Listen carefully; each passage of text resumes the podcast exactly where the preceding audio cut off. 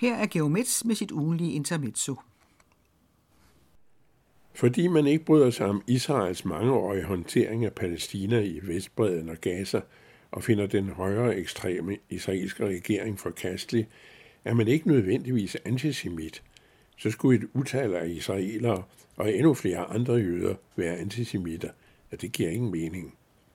Fordi man nærer afsky for Hamas' massakre og gisseltagning, er man ikke nødvendigvis imod palæstinensernes krav og kamp for egen stat og økonomisk og politisk frihed. Forståelse for palæstinensernes udbrud fra det åbne fængsel i Gaza betyder ikke nødvendigvis fordømmelse af den israelske modreaktion. Er man ikke imod Israels invasion af Gaza, er man ikke nødvendigvis indforstået med israelernes fortsættelse af krigen med alle midler og abnorme civile tab til følge. Fordi man begriber palæstinensernes vrede som bevæggrund for hyppige raketangreb, accepterer man ikke uden videre deres radikalisering, som man på den anden side også forstår efter som håb om bedring af vilkårene i Gaza, realistisk set, som forholdene har været alt for længe, kun øjnes i krig. Fordi man har tilegnet sig denne indsigt, er det ikke ens betydende med, at man accepterer terror som fremgangsmåde for et indesluttet folk. Fordi man anlægger disse modsætningsfulde forbehold til begge sider, er det ikke det samme som at ønske Israels folk bogstaveligt talt trængt i havet, eller palæstinenserne etnisk udrenset, bogstaveligt talt. Der findes altid historiske forklaringer bag forkastelige handlinger. Den historieløse foretrækker bevidst ignorantens korte udgave af tragediens forudsætninger. Entydigheden findes så lidt som fred i Mellemøsten.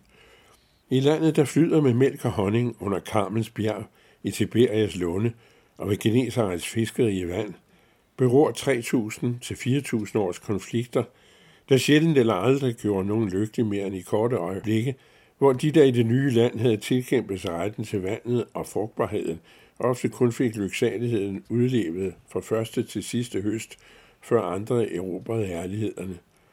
Det indlysende i den umulige fred på disse kanter er lige så ubarmhjertig som ørkenen, hvor I kun beduinerne forstår at færdes, hvilket disse kameldrivende, tæppeknyttende nomader i deres sorte telte heller ikke uden bitre fejder får lov til.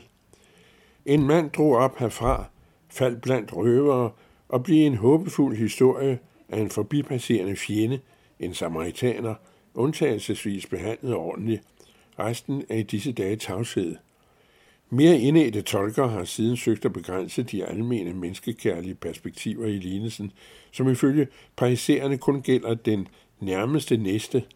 Havde skaberen sønlige stedfortræder kendt Netanyahu, ville han måske også have neddæmpet kærligheden i lignelsen og ladet den korrupte, skrupelløse premierminister ligge, hvor han lå.